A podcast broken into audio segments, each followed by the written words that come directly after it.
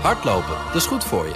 En Nationale Nederlanden helpt je daar graag bij. Bijvoorbeeld met onze digitale NN Running Coach... die antwoord geeft op al je hardloopvragen. Dus, kom ook in beweging. Onze support heb je. Kijk op nn.nl slash hardlopen. De BNR Techniek Tour wordt mede mogelijk gemaakt door Techniek Nederland. De makers van morgen. BNR Nieuwsradio. De Techniek Tour. Martijn de Rijk.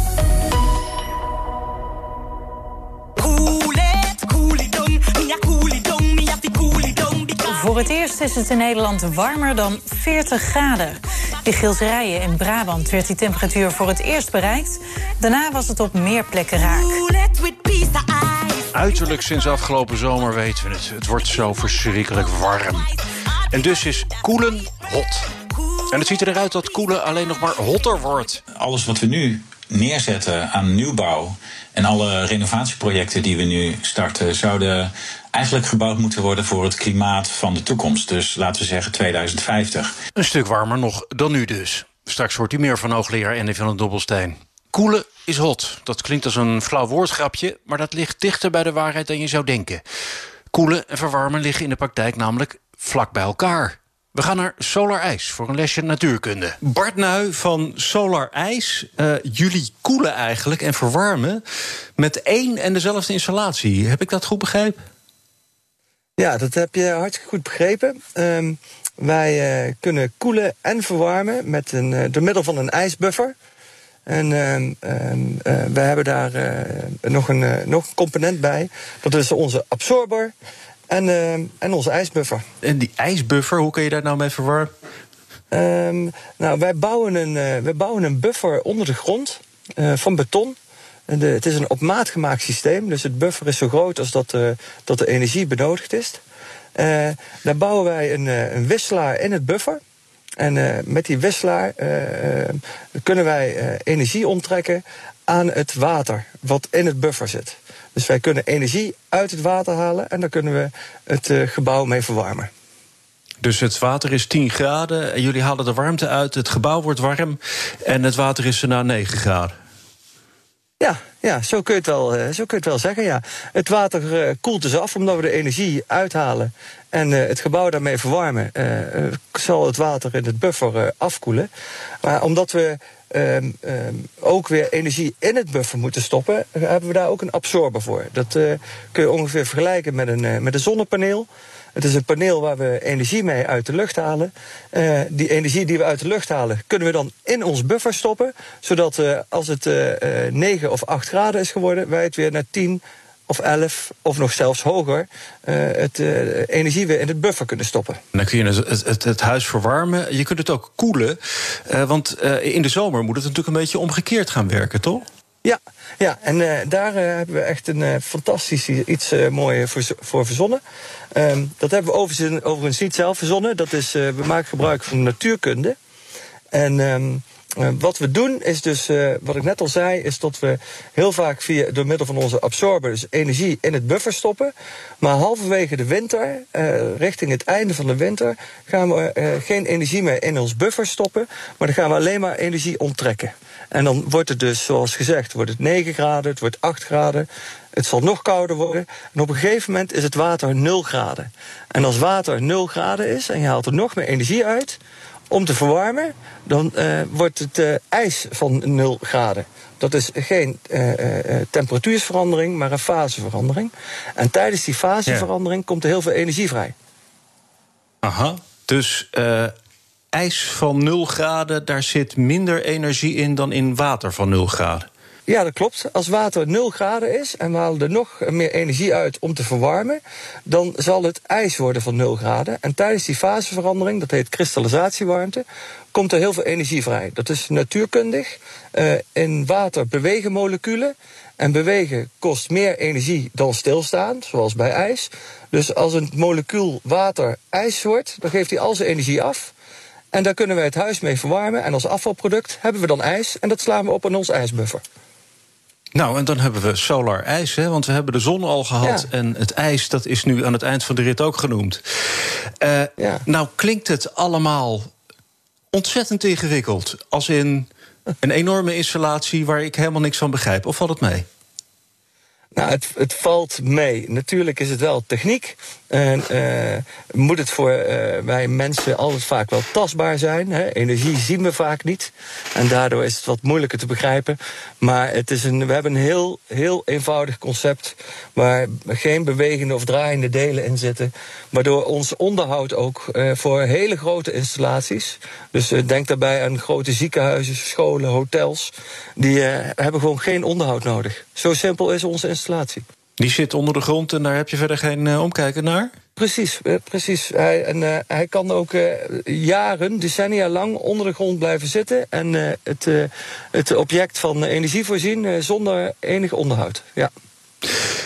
hoe, hoe energiezuinig is het geheel nou uiteindelijk? Ik bedoel, wat, wat scheelt het uiteindelijk in de, in de, nou ja, in de, in de gasrekening?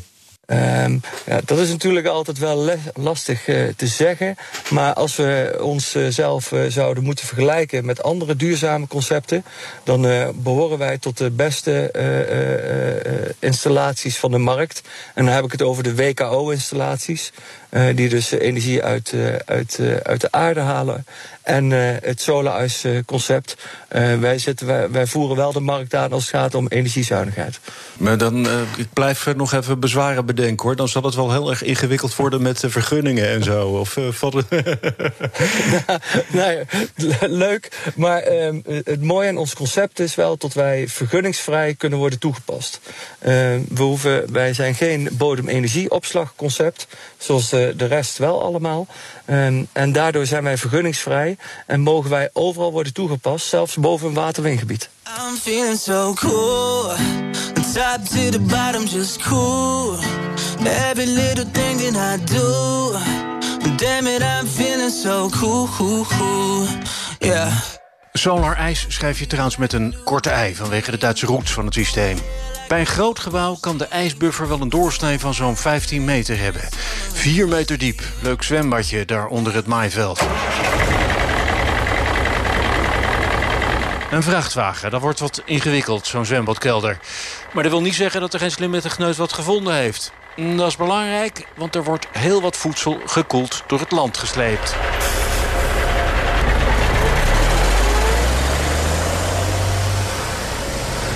We gaan koelen met uh, Twan Heetkamp, eigenaar van The New Cool. Uh, dat is wel een, mooie naam trouwens in uw uh, tak van sport, hè? Heetkamp. Ja, dat klopt. Ja, met mijn achternaam ben ik al vaak meer voor de gek gehouden. Maar uh, dat maakt mij niet zo heel veel uit. Uh, dat is mijn naam. En het is wel inderdaad komisch. Als dus, het maar ja, goed koelt. Ja, als het maar goed koelt. En als er wielen onder zitten, uh, het liefst een heleboel... dan kunt u er iets inbouwen waardoor dat goed koelt, toch? Ja, wij, um, um, wij hebben, uh, ik denk tien jaar geleden, bedacht dat als je nou uh, zo'n trailer pakt. Uh, ik zit in die trailerbusiness al heel lang. En daar wordt heel veel uh, remcapaciteit gebruikt. En als je nou zo'n trailer aan zou pakken en je zou er iets op maken dat je die remmen, de remenergie eigenlijk niet weggooit en die opvangt. De, dat je dan daar energie van kunt maken en dat je dat dan in een accubak kunt stoppen.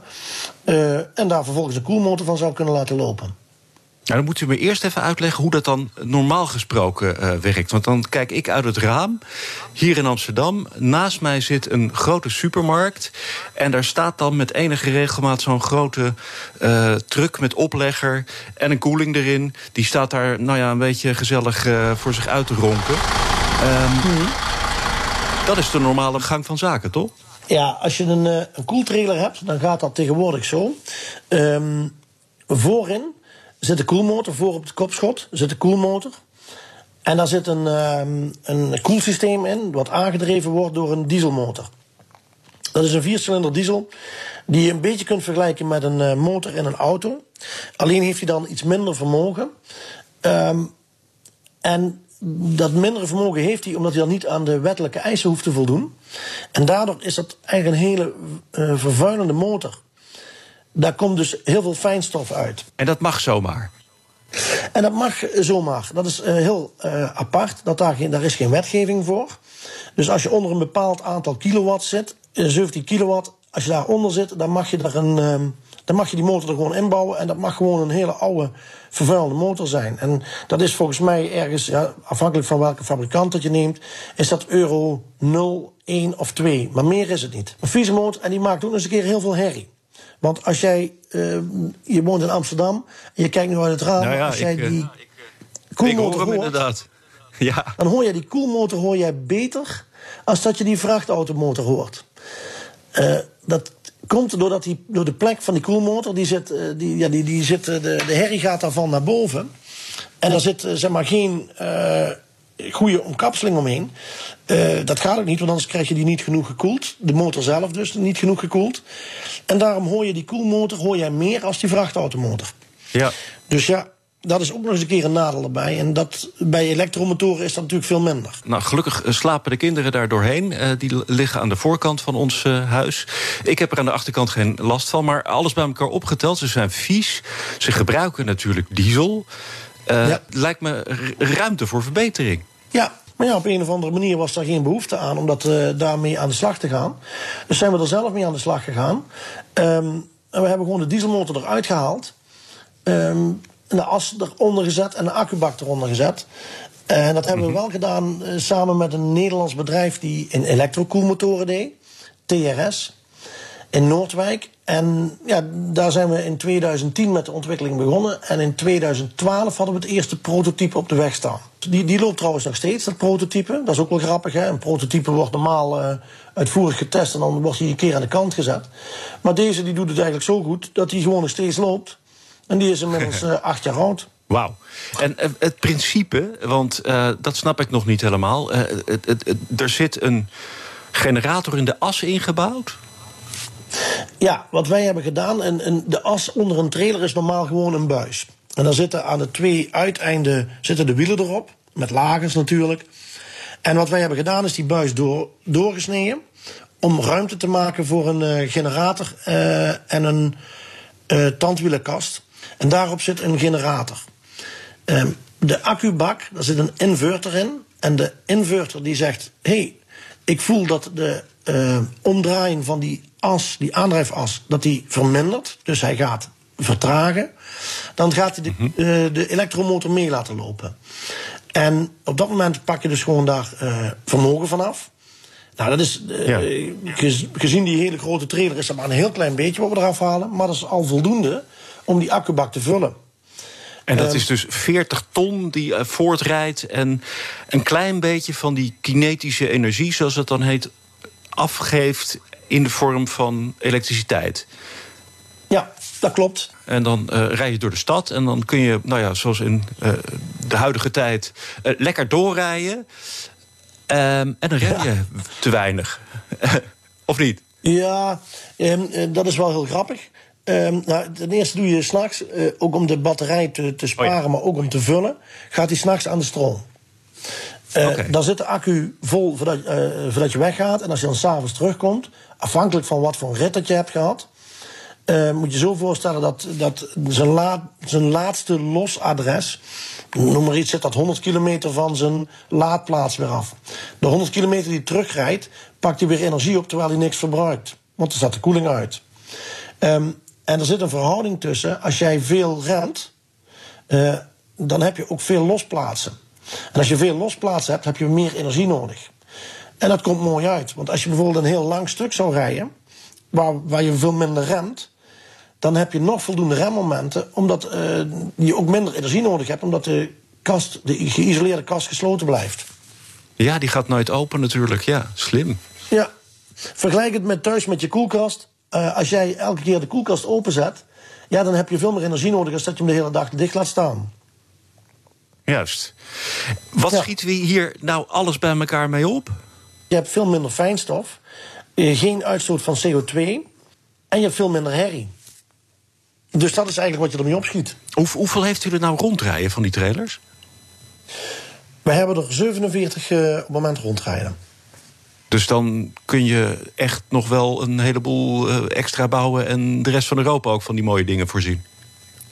Ja, ehm, in, in Europa rijden er ongeveer een miljoen. Als je nou de helft zou kunnen uitvoeren, wat in mijn ogen eigenlijk nu al mogelijk zou eh, zijn, Dan kun je dus uh, ja, 500.000 uh, van die trailers op de weg zetten. Um, en daarmee kun je dus 500.000 keer een hele hoop fijnstof besparen. Alleen maar winnaars, zou ik zeggen. Ja, ik, ik, ik, ik zeg ook vaker tegen mijn klanten: um, als het nou net zo duur is en er zitten eigenlijk geen nadelen aan, waarom, wat is nou je argument om het niet te kopen dan? Wat is dan het argument? Um, en toen was het even heel stil. Come on, move and freeze. Come on, move and freeze.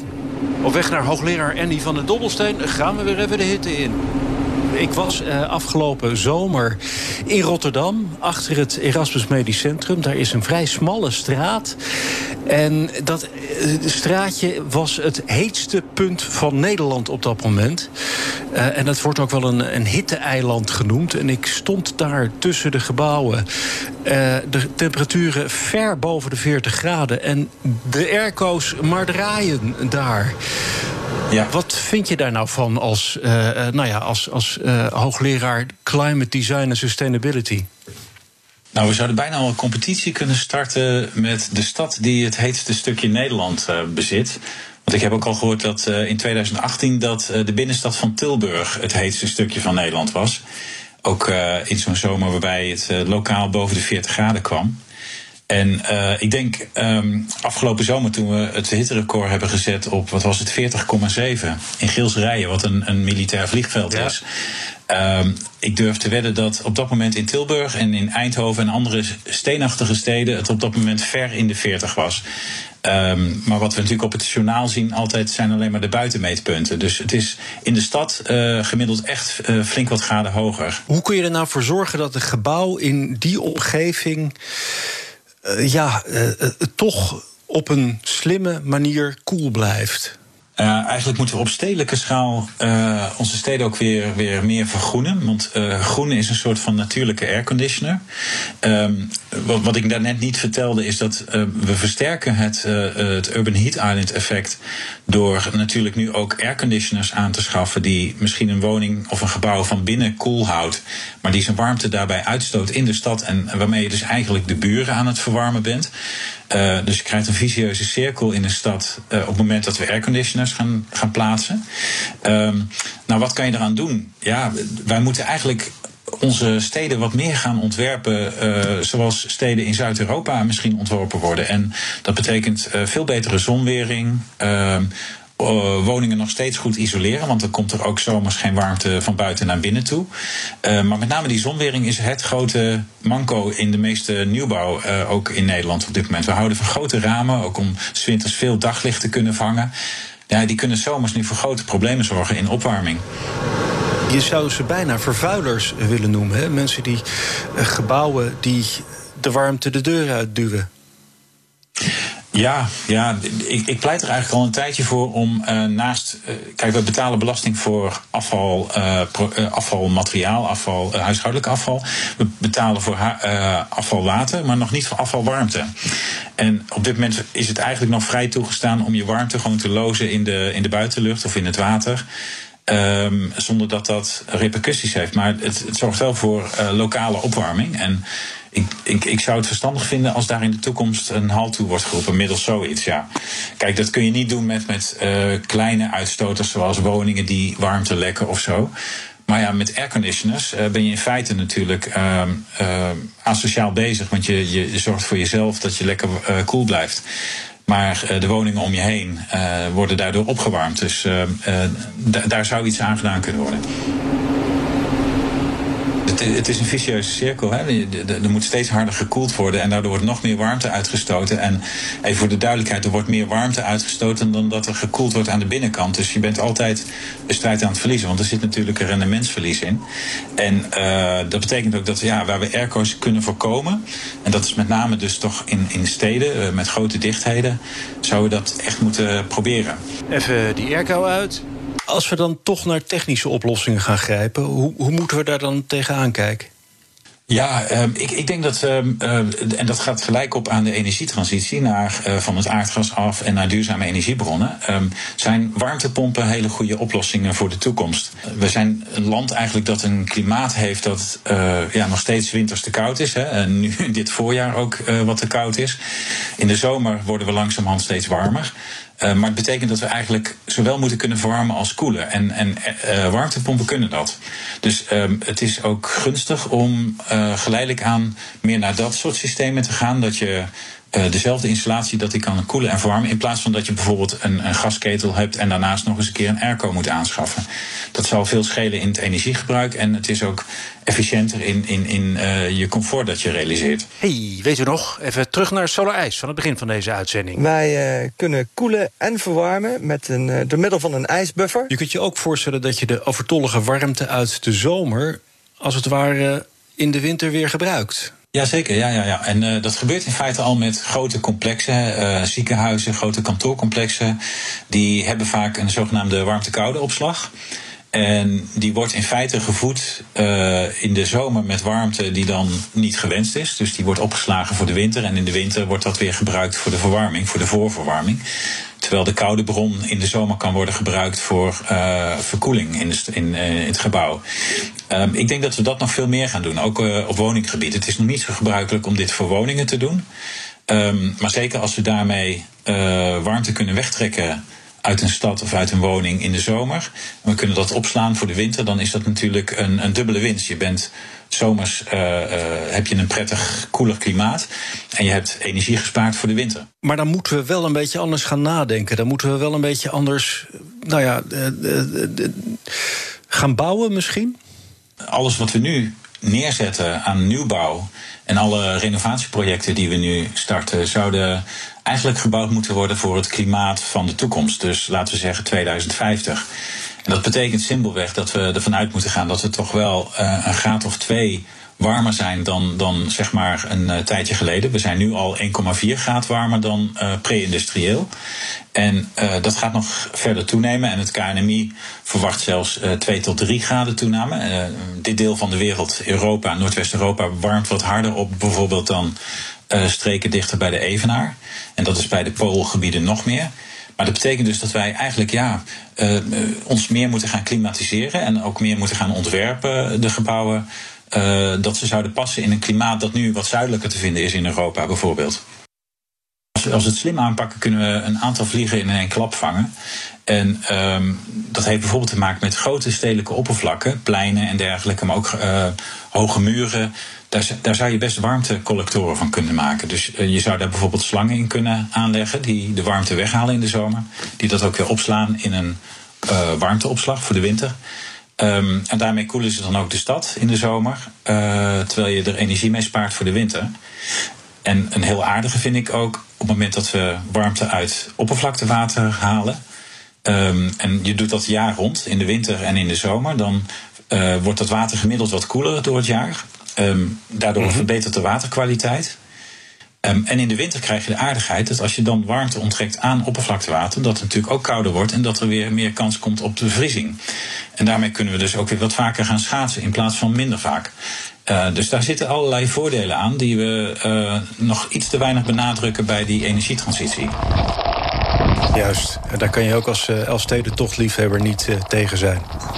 Precies, ja. En daar zijn we dus echt serieus mee bezig in Friesland met veel partijen.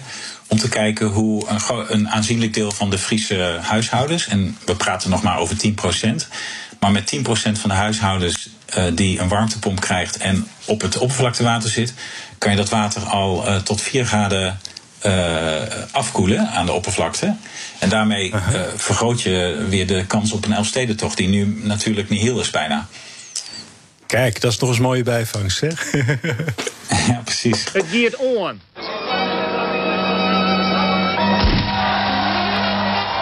Dat zou dan de Elfstedentocht van 2050 kunnen zijn. Over cool gesproken. Dit was de BNR Techniek Tour. U kunt deze en andere afleveringen vinden in de BNR-app of in elke andere podcast-app. Hou het hoofd koel en tot volgende week. De BNR Techniek Tour wordt mede mogelijk gemaakt door Wijtechniek. Wijtechniek. Samenwerken aan jouw ontwikkeling. Business Booster. Hey ondernemer, KPN heeft nu Business Boosters. Deals die jouw bedrijf echt vooruit helpen. Zoals nu, zakelijk tv en internet, inclusief narrowcasting... de eerste 9 maanden voor maar 30 euro per maand. Beleef het EK samen met je klanten in de hoogste kwaliteit. Kijk op kpn.com businessbooster. Business Booster.